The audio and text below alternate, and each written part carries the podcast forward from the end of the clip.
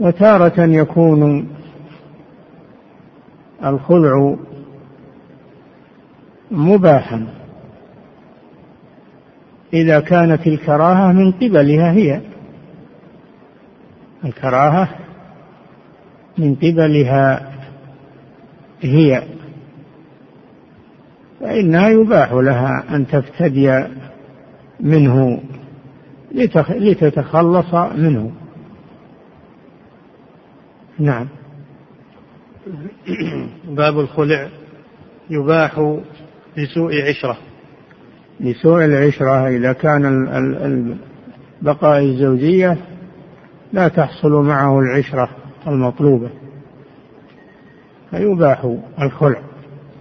نعم. يباح لسوء, لسوء عشرة وبغضة. يباح للزوجة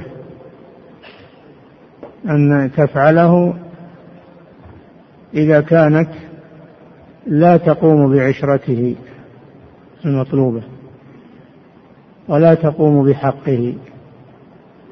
فإن خفتم أن لا يقيم حدود الله فلا جناح عليهما فيما افتدت به. نعم. يباح لسوء عشرة وبغضة وكبر. أو أنها تبغضه. كما في قصة امرأة ثابت بن قيس كانت تبغضه رضي الله عنه. ما جعل الله بينهما من مودة وكان هو رضي الله عنه دميم الخلقة. كان دميم الخلقة كانت تكره, تكره البقاء معه. نعم. وبغضة وكبر. نعم. وبغضة وكبر. يعني المهم إذا كانت تبغضه أو لا تقوم بحقه أو كان أو كانت تكرهه فحينئذ يباح لها المخالعة. نعم. وكبر وقلة دين. وقلة دين إذا كان الزوج متساهلا في دينه عنده معاصي وفسق فلا وهي متمسكة بدينها أو تخشى على نفسها فإنها تختلع منه. نعم. ويكره مع استقامة. يكره الخلع مع الاستقامة. إذا كان الخلع إذا يباح ويكره ويحرم. يباح للحاجة ويكره لعدم الحاجة إليه إذا لم يكن هناك ويحرم إذا كان متزوج أن تفتري من ورقها نعم. أو فسخ أو مفاداة فسخ. هل الخلع طلاق أو هو فسخ فقط؟ صحيح أنه أنه فسخ. أنه فسخ إذا كان بلفظ خلع أو بلفظ فسخ أو بلفظ فراق فإنه يكون فسخا. ولا ينقص به عدد الطلاق. فلو أنه تزوجها صلحت الحال تزوجها فإنه لا ينقص به عدد الطلاق. تزوجها على طلاق ثلاث. لأنه لم يطلقها وإنما فسخها.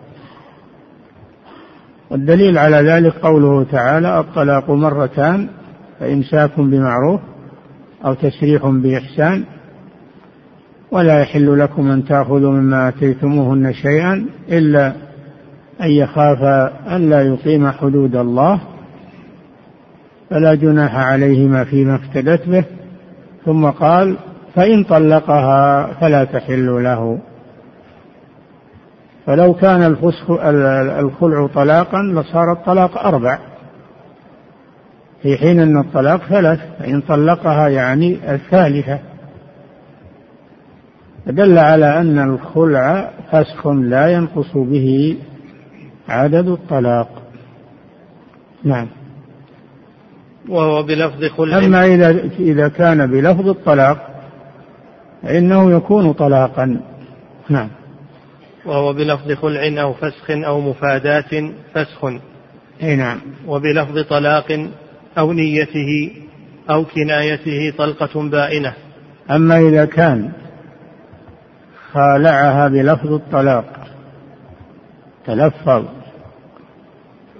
أو أنه نوى به الطلاق أو أنه نوى به الطلاق لفظا أو كناية فإنه يكون طلاقا يكون فرقة طلاق ويكون طلقة واحدة لكنها بائنة بينونة صغرى فله أن يعقد عليها ويتزوجها ولو لم تنكح زوجا غيره لأن البينونة هذه بينونة صغرى. نعم. وبلفظ طلاق أو نيته أو كنايته طلقة بائنة. أو كناية الطلاق لأن الطلاق سيأتي أنه على قسمين طلاق صريح وطلاق كناية. نعم. ولا يصح إلا بعوض. لا يسمى خلعا ولا يصح إلا بعوض إلا بفجه ولو قال خالعتها ولم يذكر فدية لم لا يكون هذا شيئا وهي زوجته. نعم. ويكره بأكثر مما أعطاها. يكره له أن يأخذ منها أكثر مما أعطاها. يباح أنه يأخذ أي مبلغ لكن يكره أن يكون أكثر مما أعطاها. لقوله صلى الله عليه وسلم خذ الحديقة ولا تزدد. لا تطلب زيادة. هذا من باب الكراهة وإلا فله أن يطلب أي مبلغ يريده. نعم. لقوله تعالى فلا جناح عليهما فيما افتدت به. هذا عام. نعم. فدل على أن الحديث المراد به الكراهة. نعم. ويصح بذله ممن يصح تبرعه. يصح أن يكون الخلع العوض. يصح أن يكون عوض الخلع مدفوعا من الزوجة أو من وليها أو من أي واحد. يصح. بشرط أن يكون الدافع له يصح تبرعه. يصح تبرعه. فإن كان لا يصح تبرعه لصغر أو لسفة أو جنون آه، فإنه لا يصح أن يدفع الخلع. لأنه لا يصح تبرعه لأن هذا تبرع منه. ولا يقول بسترده من الزوجة. لا. نعم. ويصح بذله ممن يصح تبرعه من زوجة وأجنبي. نعم. ويصح بمجهول ومعدوم. يصح بمجهول. كان يقول خالاتك على ما في هذا الوعاء من النقود. أو ما في بيتك أو صندوقك من النقود. وهو مجهول ما فيه. فيصح لأنه عوض ولو قل. لأنه عوض ولو قل. ليس له إلا ما وجد. ومعدوم. يصح بمعدوم. كأن تقول خالعتك على ما في بطن هذه الدابة. أو هذه الأمة أو ما تحمل به هذه النخلة فيصح بالمعدوم لأنه فدية تسامح فيها. نعم. ويصح بمجهول ومعدوم لا بلا عوض. لا يصح بلا عوض لأن الخلع مبني على على العوض. نعم. لا بلا عوض ولا بمحرم. ولا يصح بعوض محرم كأن تخالعه على خمر على خمر أو على ميتة أو على شيء محرم لا يجوز تموله لا يصح. نعم. لأن وجوده كعدمه. نعم. لا بلا عوض ولا بمحرم ولا حيلة لإسقاط طلاق. ولا حيلة ولا يصح الخلع إذا كان القصد منه الحيلة لإسقاط الطلاق. كما لو قال إن دخلت الدار فأنت طالق. وقبل أن تدخل الدار خالعها من أجل أن يبطل الطلاق المعلق. الطلاق لا لا يبطل يبقى على حاله. نعم. وإذا قال متى أو إذا أو إن أعطيتني ألفا فأنت طالق. طلقت بعطيته ولو تراخت. هذا الطلاق على عوض. إذا قال متى أو إذا أعطيتني ألفا فأنت طالق ثم أعطته الألف طلقت. لأنه طلاق معلق على شرط فإذا حصل الشرط حصل المشروط. ولو تراخى ولم ولم تدفع إلا بعد سنة أو بعد سنتين فإنها تطلق إذا دفعت. نعم. لكن لو قال هذا اليوم على أن تعطيني ألفا هذا اليوم أو هذا الشهر فإنه يتحدد. نعم. وإن قالت اخلعني بألف أو على ألف ففعل بانت واستحقها. إذا طلبت منه قالت اخلعني على ألف أو بألف ثم خلعها استحقها. استحق الألف لأنه أجابها على ما طلبت وقد بذلت الألف استحقها. حصل المقصود. نعم. وليس له خلع زوجة ابنه الصغير. ولا طلاقها ولا ابنته الصغيرة بشيء من مالها.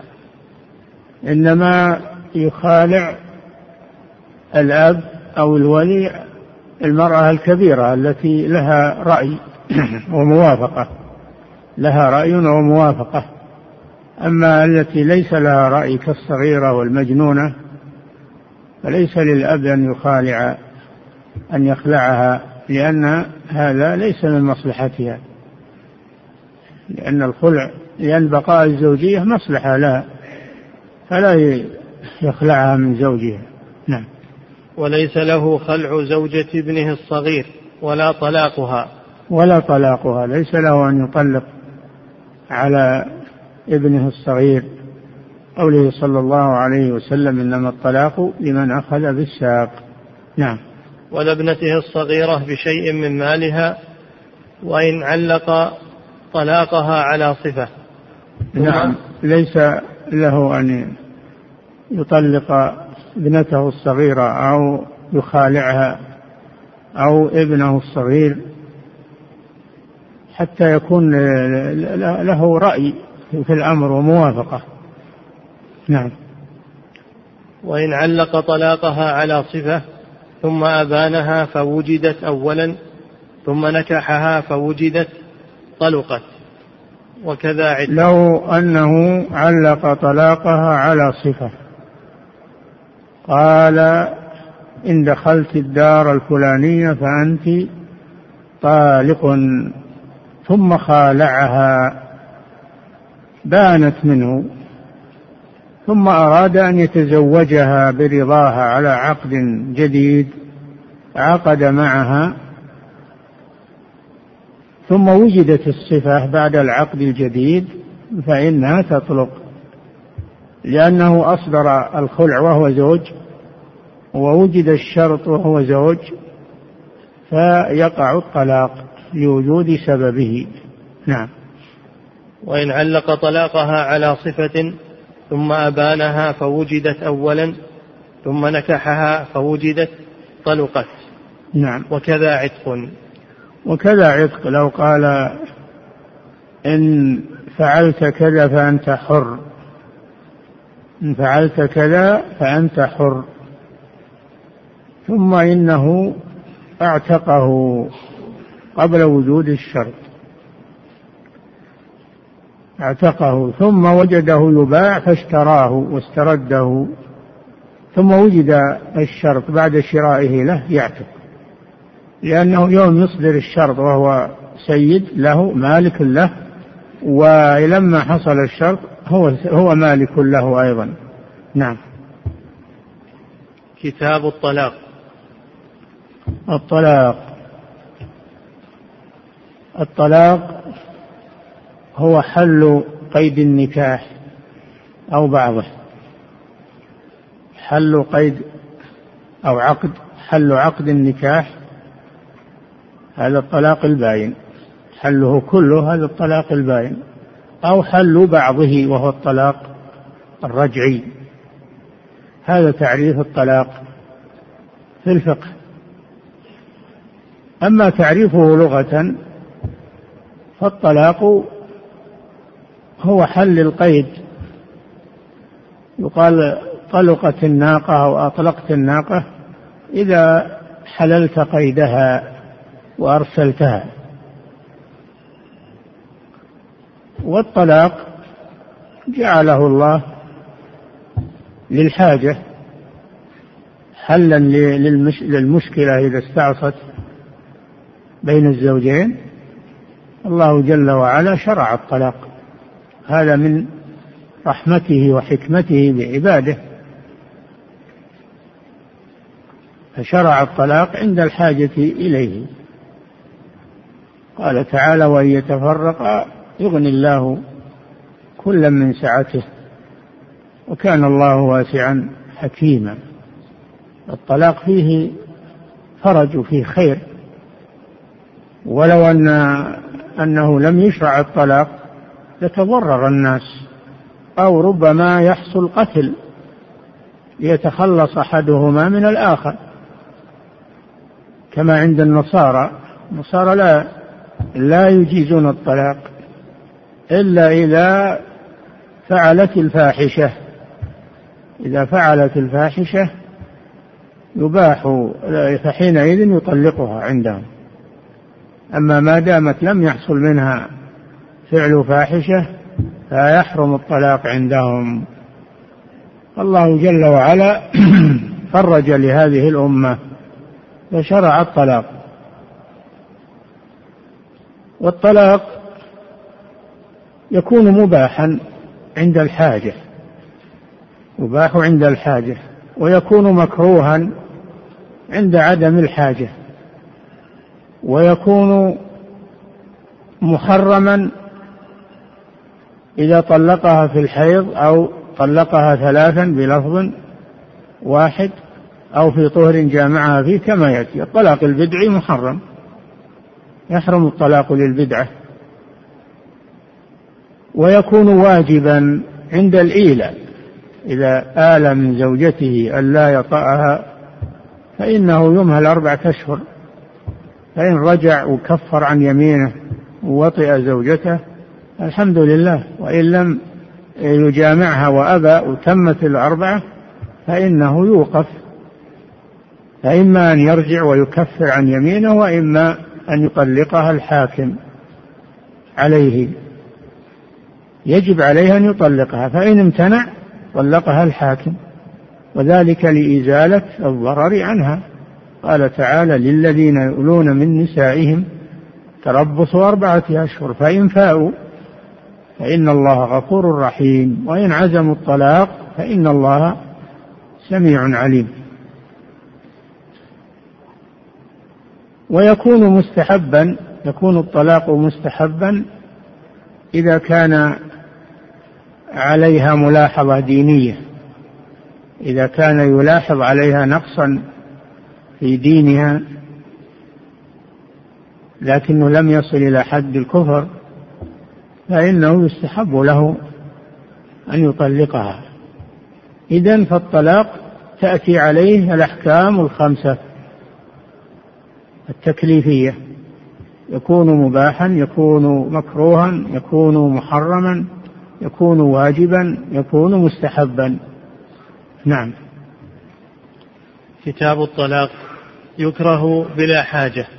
نعم. يكره مع استقامة الحال وعدم الحاجة إليه لأن الله جل وعلا يريد بقاء الزوجية وحسن العشرة والإنجاب. ففي الطلاق تفويت. لمصالح عظيمة من بقاء الزواج فيكره من أجل ذلك. نعم. يكره بلا حاجة ويباح لها. ويباح عند الحاجة كما إذا كره منها خلقا أو آه، سوء عشرة يباح له أن يطلقها وإن صبر عليها فهو أحسن. نعم. ويسن لتضررها بالوطء. ويسن ويستحب إذا كان في بقاء الزوجية ضررا عليها. كأن كأن تكون لا تطيق الوطأ لمانع فيها. فتدفع الضرر وتطلب الطلاق. أو هو أيضا إذا كان ليس لبقائها معه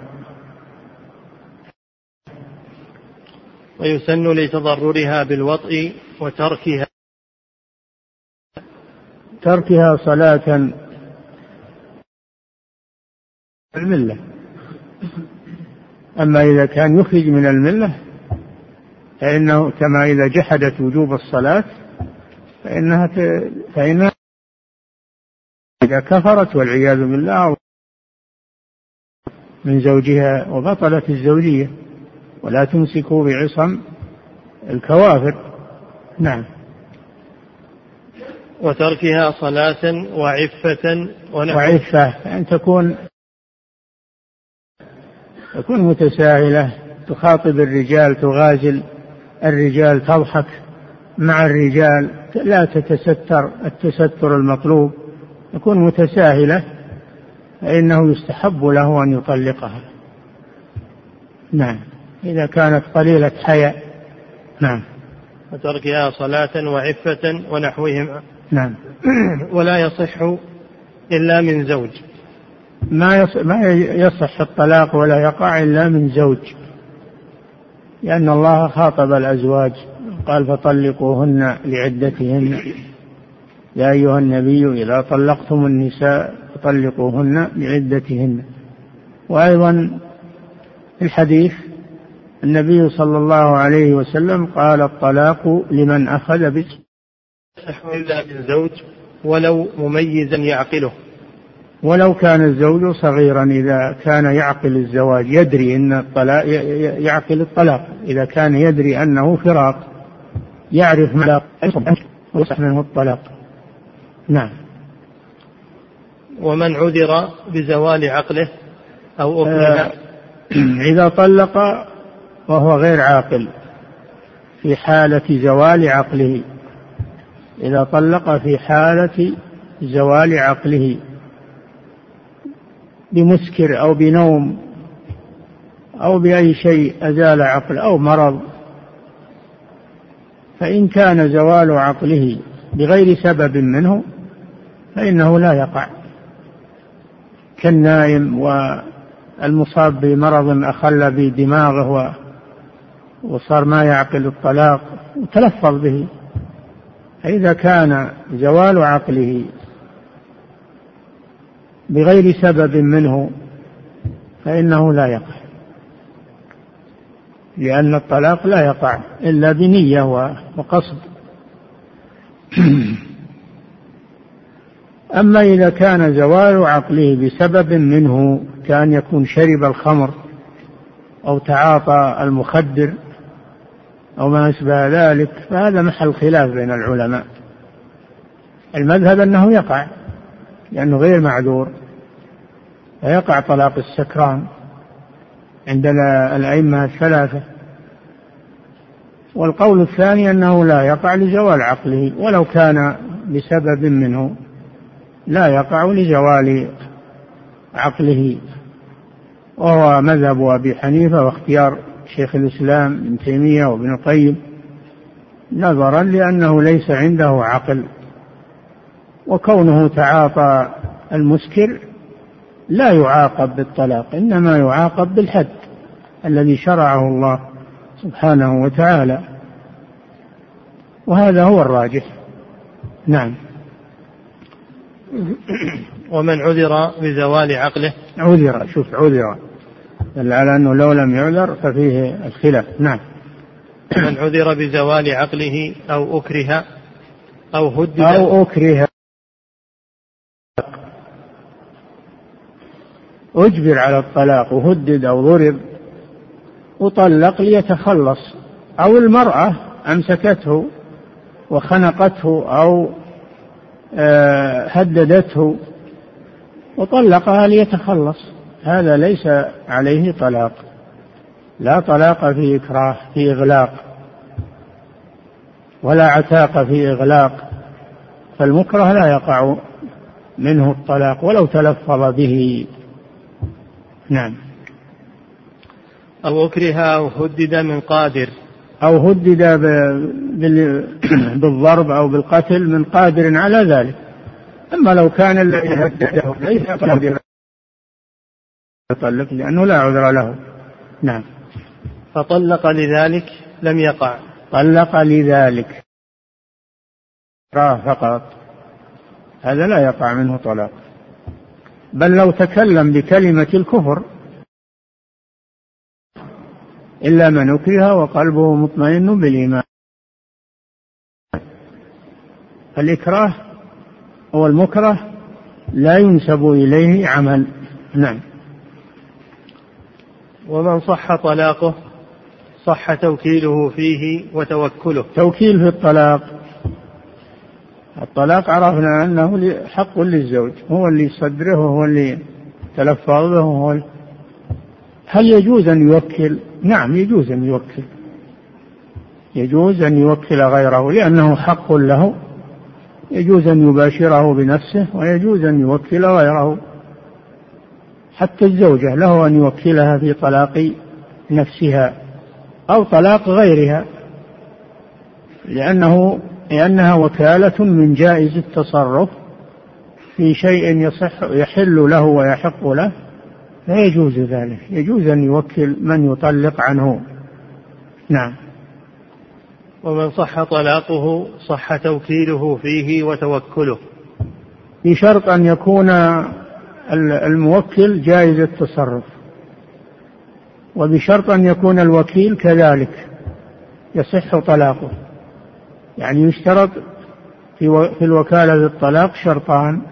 الشرط الأول أن يكون الموكل يصح طلاقه. والشرط الثاني أن يكون الوكيل أيضا يصح طلاقه. أما إذا كان لا يصح طلاقه فإنه لا يصح توكيله ولا توكله. نعم. ويصح توكيل امرأة في طلاق نفسها وغيرها. يعني لو قال لها وكلتك أن تطلقي نفسك أو قال لأجنبية طلقي زوجتي فله. نعم. والسنة أن يطلقها واحدة. آه. الطلاق. وطلاق بدعي. السني هو الموافق للسنة. الذين آمنوا إذا طلقتم النساء فطلقوهن لعدة. أي طاهرات غير موطوءات. بطهر لم يجامعها فيه.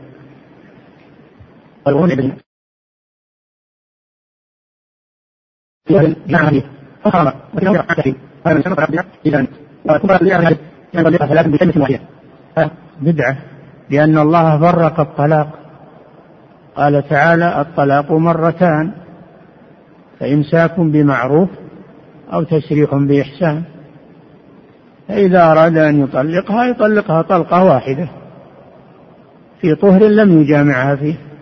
ثم يتركها في عدتها. فإن بدا له أن يراجعها في العدة فله ذلك. وإن تمت العدة وهو لم يراجعها فإنها تبين منه بينونة صغرى. وله أن يطلق المرة الثانية أيضا على على هذا النمط. وله أن يطلق الثالثة في النهاية وتبين منه البينونة الكبرى. إنما يقع الطلاق مفرقا واحدة بعد الأخرى. أما لو جمعها بالثلاث بلفظ واحد هذا حرام وبدعة لأنه يخالف قوله تعالى الطلاق مرتان إلى قوله إن طلقها فلا تحل له فهو معصية وحرام وطلاق بدعي. إذا الطلاق البدعي على نوعين بدعي في العدد وبدعي في الزمان. أما الطلاق السني فهو أن يطلقها واحدة في طهر لم يجامعها فيه ويتركها حتى تنقضي عدتها. فتبين منه بينونة صغرى تبين تلقائيا عند تمام العدة. ليبقى له المجال مفتوحا يبقى له المجال مفتوحا. لا تدري لعل الله يحدث بعد ذلك أمرا. قد يطلق يندم فيكون أمامه المجال للرجعة. أما إذا أغلق هذا الباب عليه وطلقها ثلاثا كلمة واحدة فقد أغلق الباب عليه وخالف ما أمر الله به. نعم. والسنة أن يطلقها واحدة في طهر لم يجامع فيه. هذا هو طلاق السنة. فإن طلقها ثلاثا هذا بدعة بلفظ واحد. طلقها وهي حائض هذا بدعة. طلقها في طهر جامعها فيه هذا بدعة. ثلاث ثلاث أنواع البدع ثلاث أنواع. ثلاث حالات. ولا هو نوعان نوعا في العدد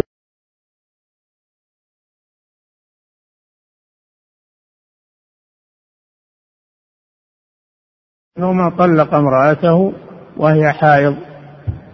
فجاء عمر بن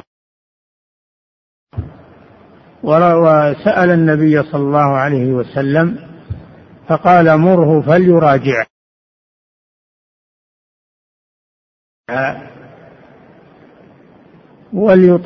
وليمسكها حتى تحيض ثم تحيض. فكونه أمره أن يراجعها هذا دليل على أن الطلاق وقع طلاق واقع. إلا من طلاق واقع. نعم. وإن طلق مدخولا بها في حيض أو طهر جامع فيه فبدعة محرم ويقع. محرم يأثم به ويقع بدليل حديث ابن عمر. نعم. فبدعة محرم ويقع لكن تسن رجعتها. تسن رجعتها إذا طلقها الطلاق السنة نعم. ولا سنة ولا بدعة لمستبين حملها. لا بدعة ولا سنة إذا طلقها وهي حامل. لماذا؟ لأن عدتها بوضع الحمل فلا يحصل عليها ضرر. أما غير الحامل فيكون ذلك بدعة لأن عليها ضرر تطول عليها العدة. تطول عليها العدة. إذا طلقها وهي حائض فلا بد أن تستقبل. ثلاث حيض غير الحيضة التي طلقها فيها فتطول عليها العدة. أي ذلك يحرم. يحرم الطلاق في هذه الحالة. نعم. أما إذا كانت حاملا فلا ضرر عليها لأن عدتها وضع الحمل حتى ولو وضعت الحمل بعد الطلاق بساعة أو أقل. تنتهي عدتها. ليس عليها ضرر. نعم. ولا سنة ولا بدعة لمستبين حملها نعم. أو صغيرة أو صغيرة. أو صغيرة لأن عدتها بالأشهر. واللائي لم يحضن فعدتهن ثلاثة أشهر. فعدتها بالأشهر ولا ضرر عليها.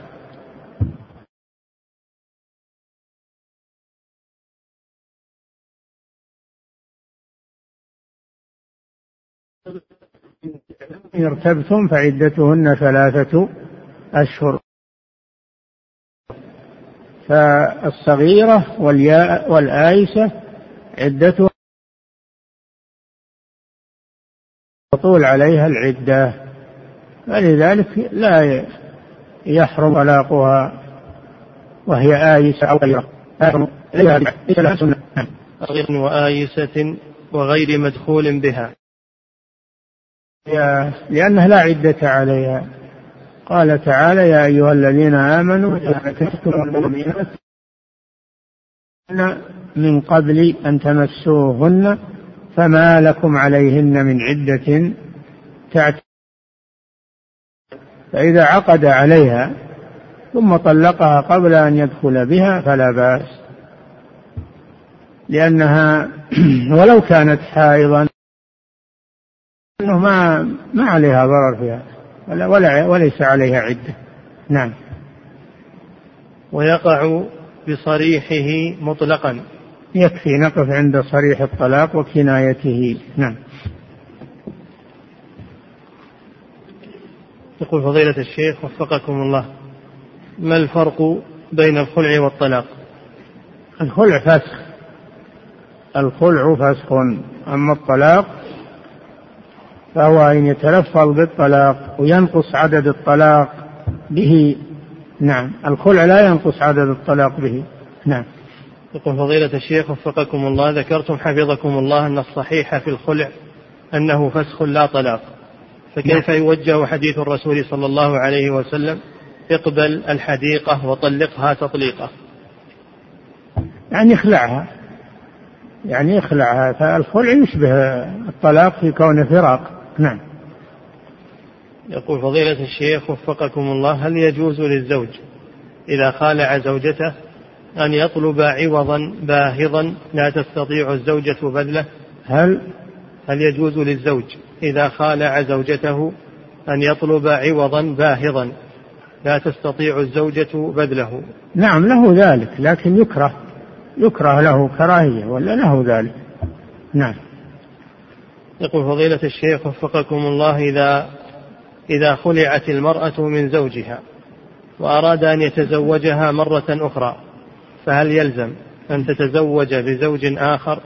لا يا أخي لا لا الخلع بينونة صغرى.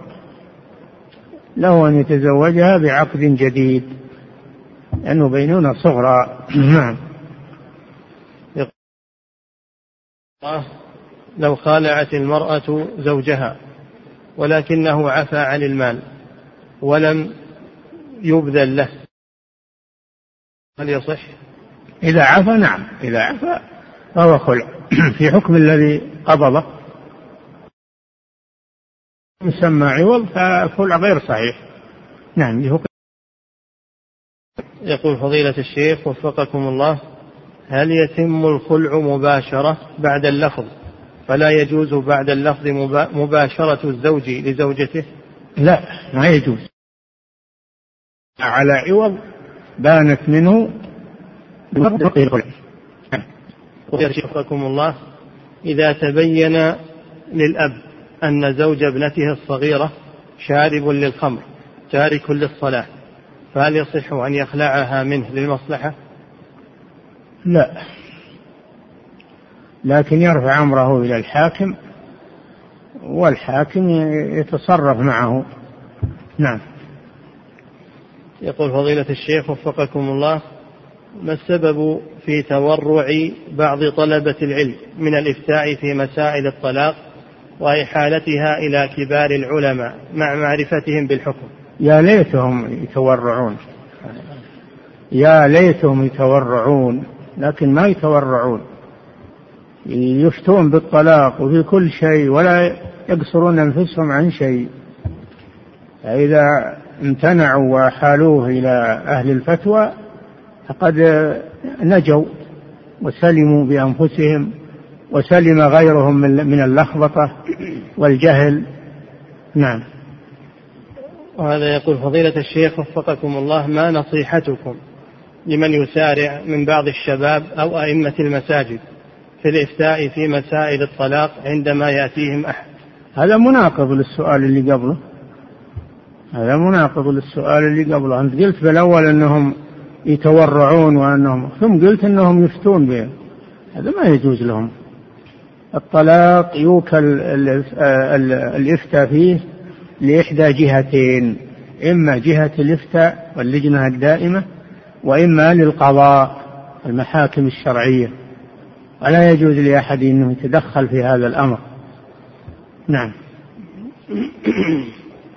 يقول فضيلة الشيخ وفقكم الله إذا طلق الرجل المرأة مرتين ثم في الثالثة تم الخلع من قبل الزوج أو الزوجة فهل يرجع إليها مباشرة بدون شيء ولا تحسب طلقة ثالثة؟ نعم. إذا طلق الرجل المرأة مرتين ثم في الثالثة تم الخلع من قبل الزوجة فهل يرجع إليها؟ طلقها مرتين ثم خلعها؟ تم الخلع وهي مطلقة. مطلقة ما لها ما تخالع. لكن قل إنه راجعها عقب الطلقة الثانية راجعها ثم خالعها لا بأس بذلك. نعم. يقول فضيلة الشيخ وفقكم الله هل هذا الحديث ثابت؟ إن أبغض الحلال عند الله الطلاق. يحتجون به. يحتجون به. والله خاطب الأزواج به بالطلاق. هم الذين هم الذين يطلقون. الزوج هو الذي يطلق. نعم. أنتم ترضون أن أحد يطلق زوجاتكم؟ ها؟ ترضون أن أحد يطلق زوجاتكم؟ حتى أبوك ما يطلق زوجك. أخوك ما يطلق زوجك. هذا حق لك أنت. نعم. ولا تصير الدنيا فوضى. نعم. يقول فضيلة الشيخ وفقكم الله. يقول كثير من الناس الحديث إن كان في مقال معناه صحيح. نعم. يقول فضيلة الشيخ وفقكم الله كثير من الناس يطلق زوجته في حال الغضب ثم يأتي عند المحاكم ويقول للشيخ أنا فاقد للذاكرة أو أنا غضبان فأرجو من فضيلتكم توجيه نصيحة للمسلمين في مثل هذا الأمر. القاضي يتثبت أو يقبل كلامه على طول لا بد أنه يتثبت من من هذا الأمر. لكن الطلاق الغضبان له ثلاث حالات. الغضبان له ثلاث حالات. الحالة الأولى أن يكون غضبه معتادا. يتصور ما يقول ويتصور اللفظ اللي هو قال ويعرف الطلاق. هذا يقع بلا خلاف. يقع طلاقه وإن كان فيه غضب. لأنه قل من يسلم من الغضب. الحالة الثانية أن يستحكم به الغضب بحيث لا يدري ما يقول ولا شعور له. فهذا لا يقع طلاقه بالإجماع لأنه غير متصور للطلاق في حالة الغضب والإغلاق. هذا إغلاق. الحالة الثالثة بين بين. الغضب عنده غضب شديد لكن لم يزل لم يزل شعوره شعوره معه ولكن اشتد به الغضب. هذا محل خلاف بين العلماء هذه مختلف فيها بين العلماء. منهم من يوقع طلاقه نظرا لأن معه شعوره وإن كان غضبه شديدا. ومن العلماء من يرى أنه غير واقع لأنه غضبان. نعم. يقول فضيلة الشيخ وفقكم الله يشترط في الوكيل في الطلاق أن يكون ممن يصح طلاقه. فهل معنى ذلك أنه لا بد أن يكون متزوجا أو يكون لا لا. لو ما هو متزوج يعني يصح. منه الطلاق لأنه عاقل لوجود عقله فيه ويعرف معنى الطلاق. نعم. يقول فضيلة الشيخ وفقكم الله هل الردة عياذا بالله من ذلك هل الردة قبل الدخول تعتبر طلاقا بائنا؟ وهل يجب عليه أن يجدد العقد أم نعم نعم. الردة قبل الدخول تبين منه الزوجة لأنها لا عدة عليها.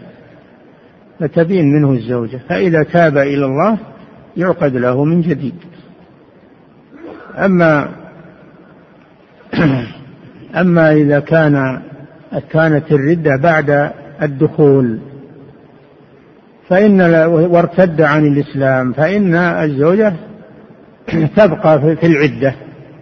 من حين الردة تبقى في العدة فإن تاب قبل تمام العدة رجعت إليه بلا عقد بالعقد الأول. وإن تمت العدة ولم يتب بانت منه. نعم. يقول فضيلة الشيخ وفقكم الله إذا طلب مني أبي أن أطلق زوجتي لسبب فهل أطلقها؟ لا لا يلزمك هذا. ولو طلب أبوك أنك تطلقها ما يلزمك هذا. طلاق حق لك. والأب قد يكون عنده هوى أو عنده غضب على هذه المرأة أو متغرض لها فلا يقبل كلامه. نعم. وليس هذا من البر بالوالد كما يظن بعض الناس. ليس هذا من البر. هذا حق لك. بل هو الآثم أنه يطلب منك الطلاق. هو يأثم أنه يطلب منك الطلاق. نعم.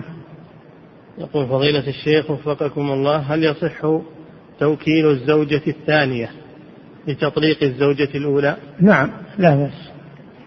لأنه يملك هذا وله أن يوكل فيه. أي امرأة؟ نعم. يقول فضيلة الشيخ وفقكم الله ما حكم قول غير المتزوج علي الطلاق؟ هل تطلق من يتزوجها بعد ذلك؟ إذا عينها قال علي الطلاق من فلانة ثم تزوجها فهذا محل خلاف بين العلماء والصحيح أنها لا تطلق لأنه حين طلق ليس زوجا لها. صدور الطلاق في حالة وهو ليس زوجا لها فلا عبرة به. نعم. يقول فضيلة الشيخ وفقكم الله إذا طلق ثلاثا بلفظ واحد هل تقع طلقة واحدة أم تبين بينونة كبرى؟ بينونة كبرى عند الجمهور. وإن كان هذا حراما ويأثم عليه إلا أنه إلا أنه يقع بينونة كبرى. نعم. هذا يقول فضيلة الشيخ أسئلة. وقلت علي بالطلاق لن أفعل هذا الشيء. أقدر أن أمتنع عنه فهل أكون قد طلقت فعليا؟ راجع المحكمة أو الإفتاء تراجع الجهة المختصة. وهذا يقول فضيلة الشيخ في بلدي لعمل عقد الزواج لي وقبل أن يصله ما يفيد الوكالة. أحد أقاربي موهمين المأذون بأنه هو الزوج هذا غير صحيح. كما خاف إن السؤال ما ما هو مضبوط. الحاكم حتى الافتاء ما ينظر في العقود. يرجع يقول فضيلة الشيخ وفقكم الله زوج أختي كثيرا ما يقول إذا طرد ابنا له. نعم. يقول زوج أختي كثيرا ما يقول طرد ابنه. يقول الشيخ وفقكم الله هل للمخالعة هل للمخالعة عدة؟ نعم عليها عدة. لئلا يكون حاملا لئلا تكون حاملا فلا بد من العدة. إن كانت تحيض تعتد ثلاث حيض إن كانت لا تحيض لا بد من ثلاثة أشهر. نعم. يقول فضيلة الشيخ وفقكم الله هل زوجة ثابت بن قيس بن شماس رضي الله عنه التي خلعت منه هي جميلة بنت عبد الله بن أبي أي نعم ابن أبي نعم. هي جميلة بنت عبد الله بن أبي. نعم.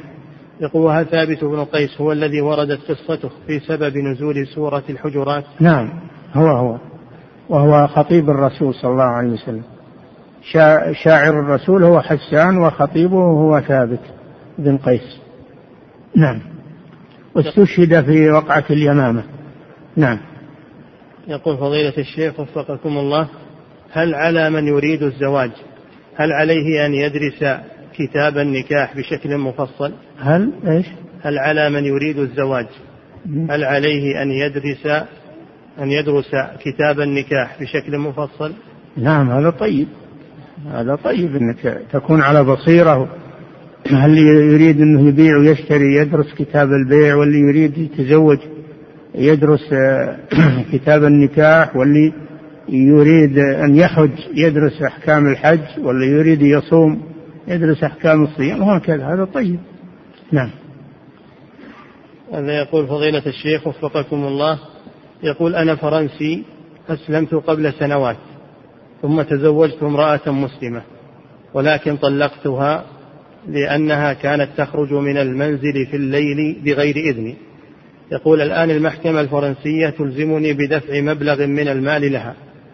سؤاله هل هناك محظور شرعي إذا دفعت هذا المال؟ وهل يجوز لي أن أناقش القضية عند تلك المحكمة حتى يخفف عني من المبلغ؟ أما أنك تناقش القضية عند المحكمة فلا مانع من ذلك. لك أن تناقشها ولك أن تقيم محاميا أيضا يتقدم في القضية هذا حق لك. وأما دفع المال إذا أجبروك إذا أجبروك على دفع المال فلا لك حيلة إلا تدفع المال. نعم. يقول فضيلة الشيخ وفقكم الله هل يجوز للرجل أن يتزوج البنت التي رضعت من زوجته؟ كيف؟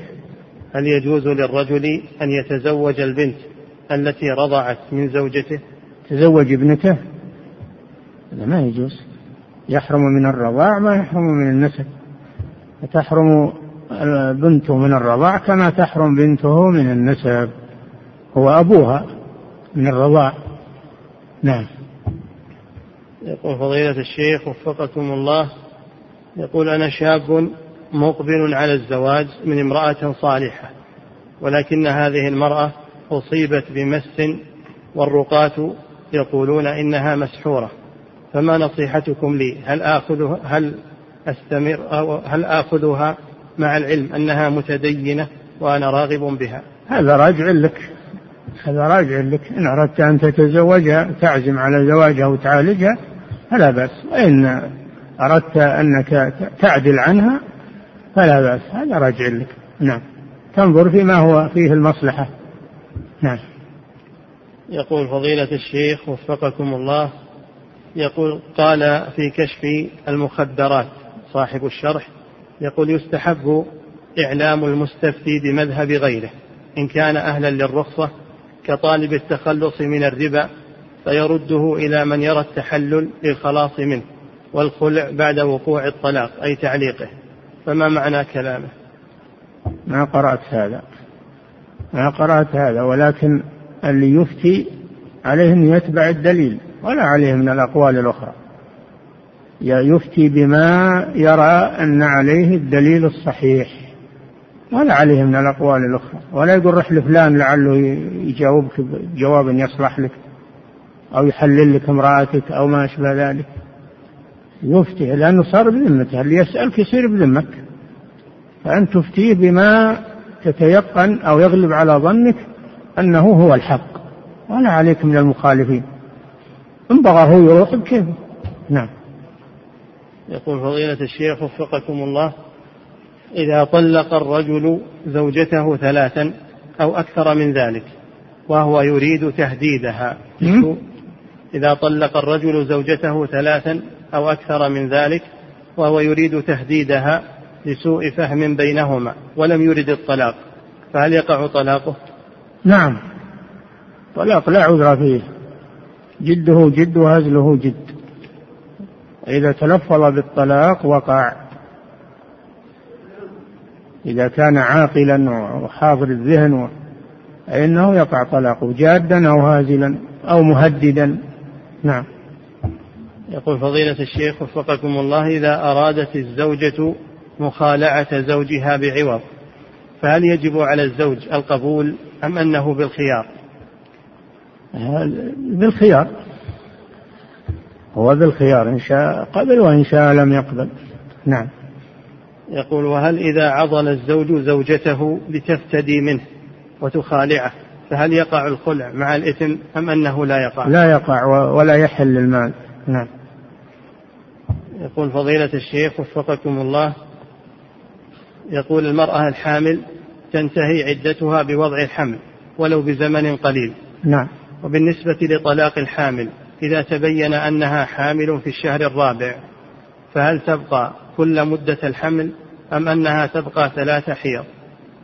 ما دامت حامل عدتها وضع الحمل. وأولاة الأحمال أجلهن أن يضعن حملهن. هذه عامة الآية عامة. نعم. ولو كان ما لو كان إنه طلقها على رأس تسعة أشهر ما بقي على الحمل إلا ساعة أو ساعتين تخرج من العده نعم.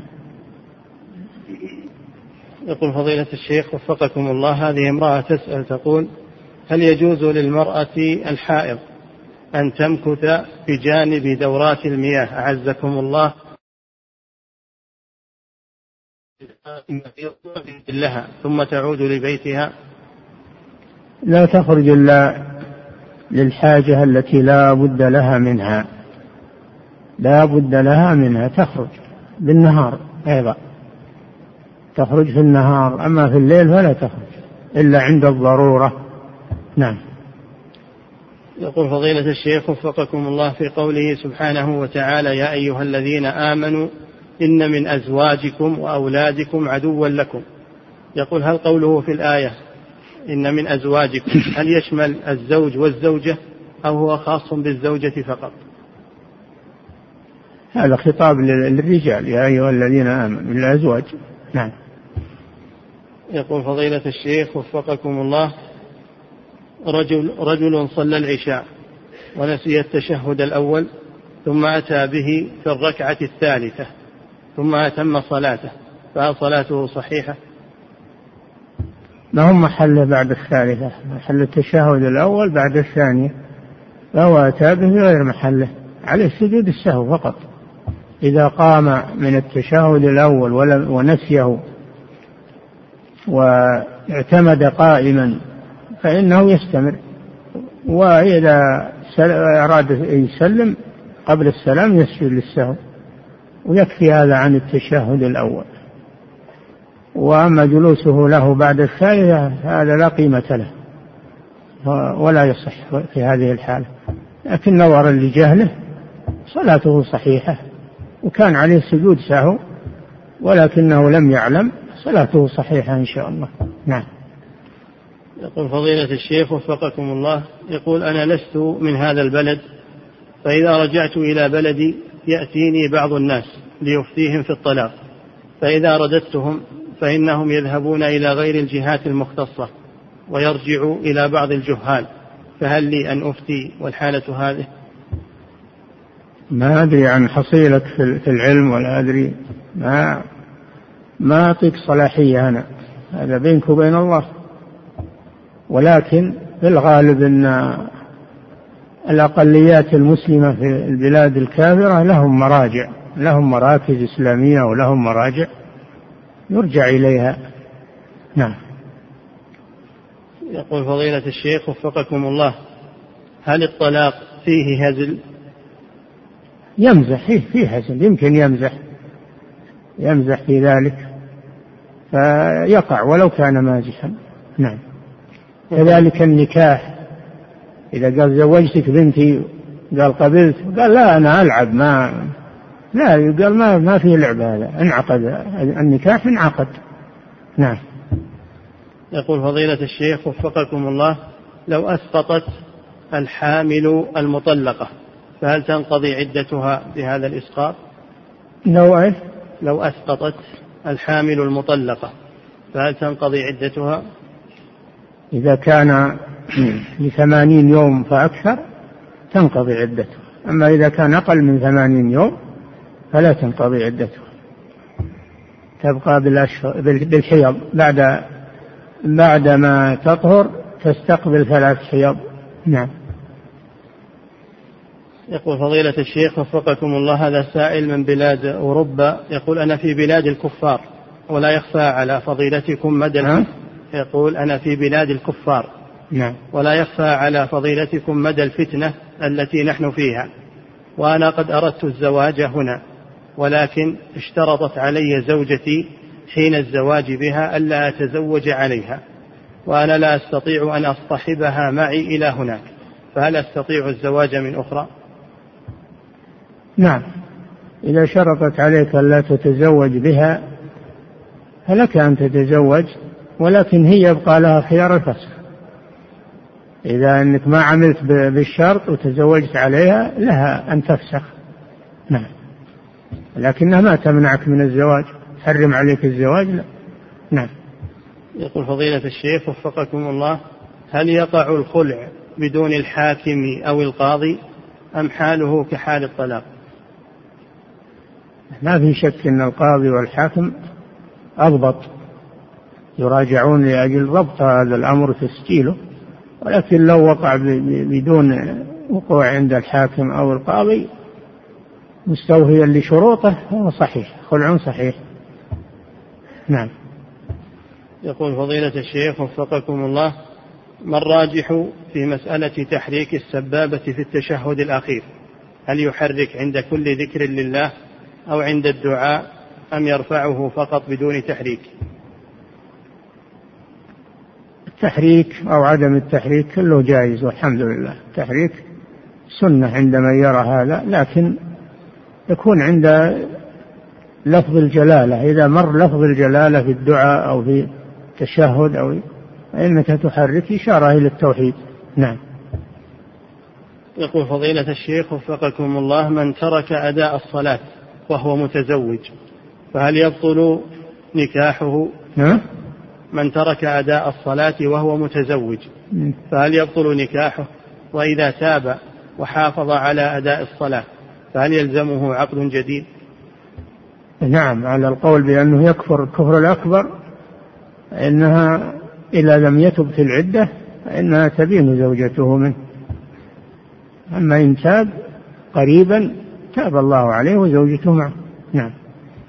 يقول فضيلة الشيخ وفقكم الله يقول ما الحكم إذا أردت أن أتزوج من بنت عمي ووالدي لا يريد ذلك؟ لا يريد عمي فهل أطيع والدي أم أتزوجها؟ أرجو توجيهكم. الزواج حق لك لكن إذا كان بيترتب عليه سوء تفاهم بينك وبين والدك وقطيعة النساء كثير والحمد لله. التمس امرأة غيرها ولا تقاطع والدك ويحصل بينكم شيء من سوء التفاهم. نعم. يقول فضيلة الشيخ وفقكم الله هل السياسة الشرعية علم خاص؟ كعلم الفقه والأصول أم أنه يدخل في غيره من العلوم؟ يدخل يدخل في علوم الشرع. الشرع كله يدخل فيه السياسة الشرعية. نعم. يقول وهل هناك كتاب ينصح به فضيلتكم في السياسة الشرعية؟ نعم رسالة شيخ الإسلام ابن تيمية. السياسة الشرعية في إصلاح الراعي والرعية. نعم. يقول فضيلة الشيخ وفقكم الله يقول أنا إمام مسجد. وكذلك السياسة الشرعية ألفت كتب السياسة الشرعية فتراجعها. منها منها ما ذكرنا رسالة شيخ الإسلام ابن تيمية رحمه الله. نعم. يقول فضيلة الشيخ وفقكم الله أنا إمام مسجد للفروض وجماعة المسجد قليلون وفي صلاة العشاء والتراويح في شهر رمضان لا يحضر للمسجد أحد. نعم. يقول في صلاة العشاء والتراويح في شهر رمضان لا يحضر للمسجد أحد. الإمام يعني؟ لا يحضر المأمومين. هو إمام هو؟ إيه نعم. إيش يقول عاد السؤال؟ أنا إمام مسجد للفروض. وجماعة المسجد قليلون. وفي صلاة العشاء والتراويح من شهر رمضان لا يحضر في المسجد أحد بل يذهبون إلى مساجد أخرى ليصلوا فيها. سؤاله هل أبقى وأصلي لوحدي أم أذهب وأصلي في مسجد آخر؟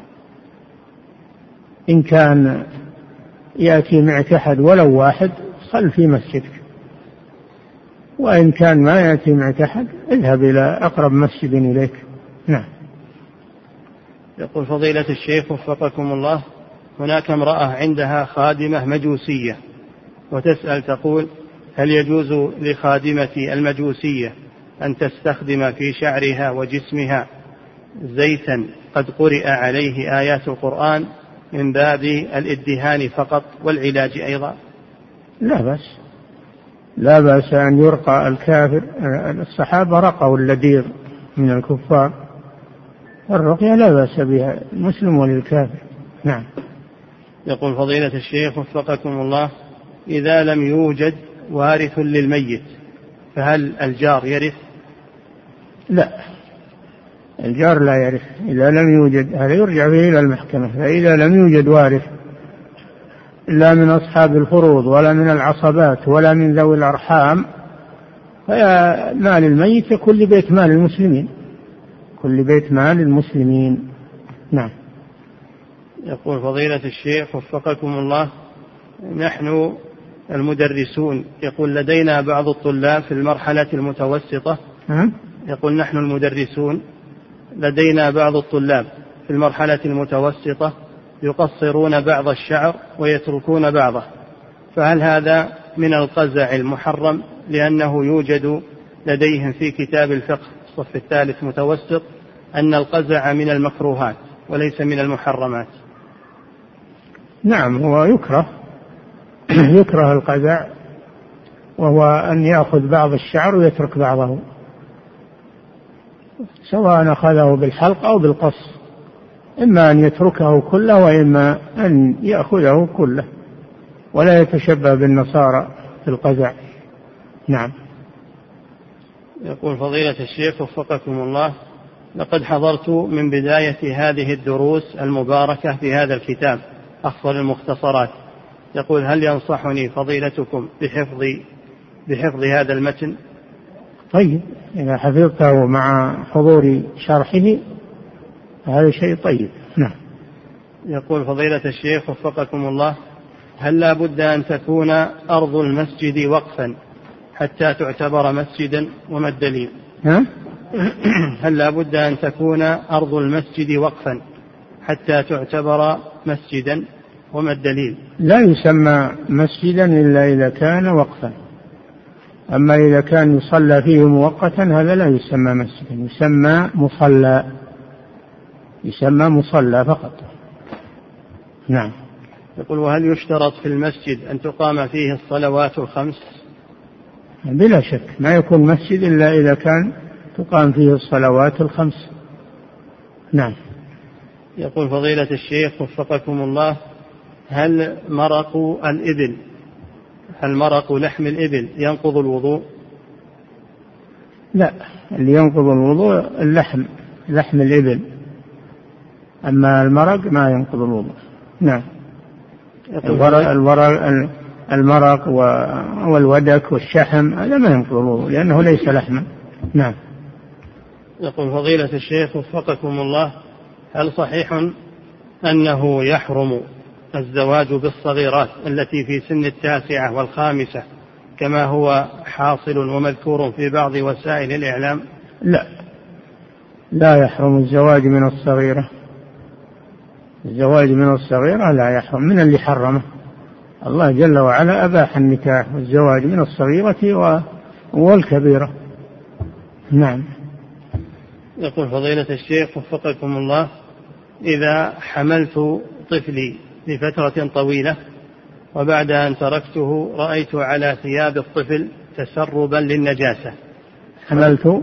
إذا حملت طفلي لفترة طويلة وبعد أن تركته رأيت على ثياب الطفل تسرب النجاسة ولأن ثوبي ملون لم أتأكد من النجاسة هل أصابته أم لا؟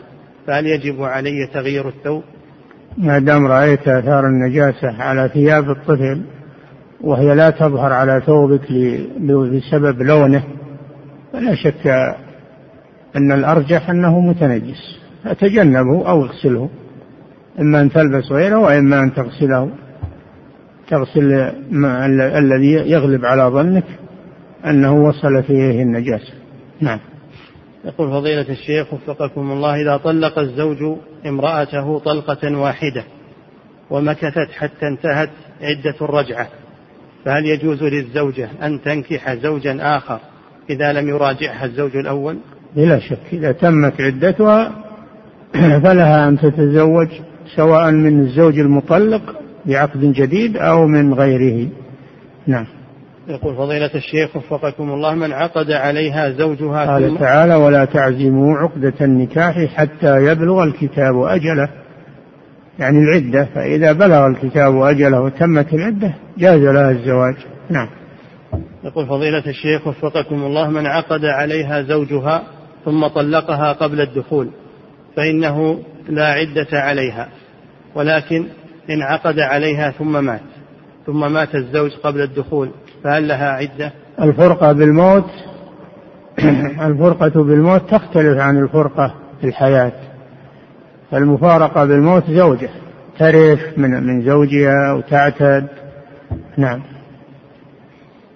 يقول فضيلة الشيخ وفقكم الله هل يجوز تعجيل ودفع زكاة مالي مقدما قبل تمام الحول عليه؟ إلى أخي المحتاج لكونه يعول أسرة نعم هذا طيب وأفضل. يعني إعطاء المحتاج أفضل تعجيل الزكاة من أجله أفضل. نظرا لحاجته. نعم. الله تعالى أعلم وصلى الله وسلم على نبينا محمد.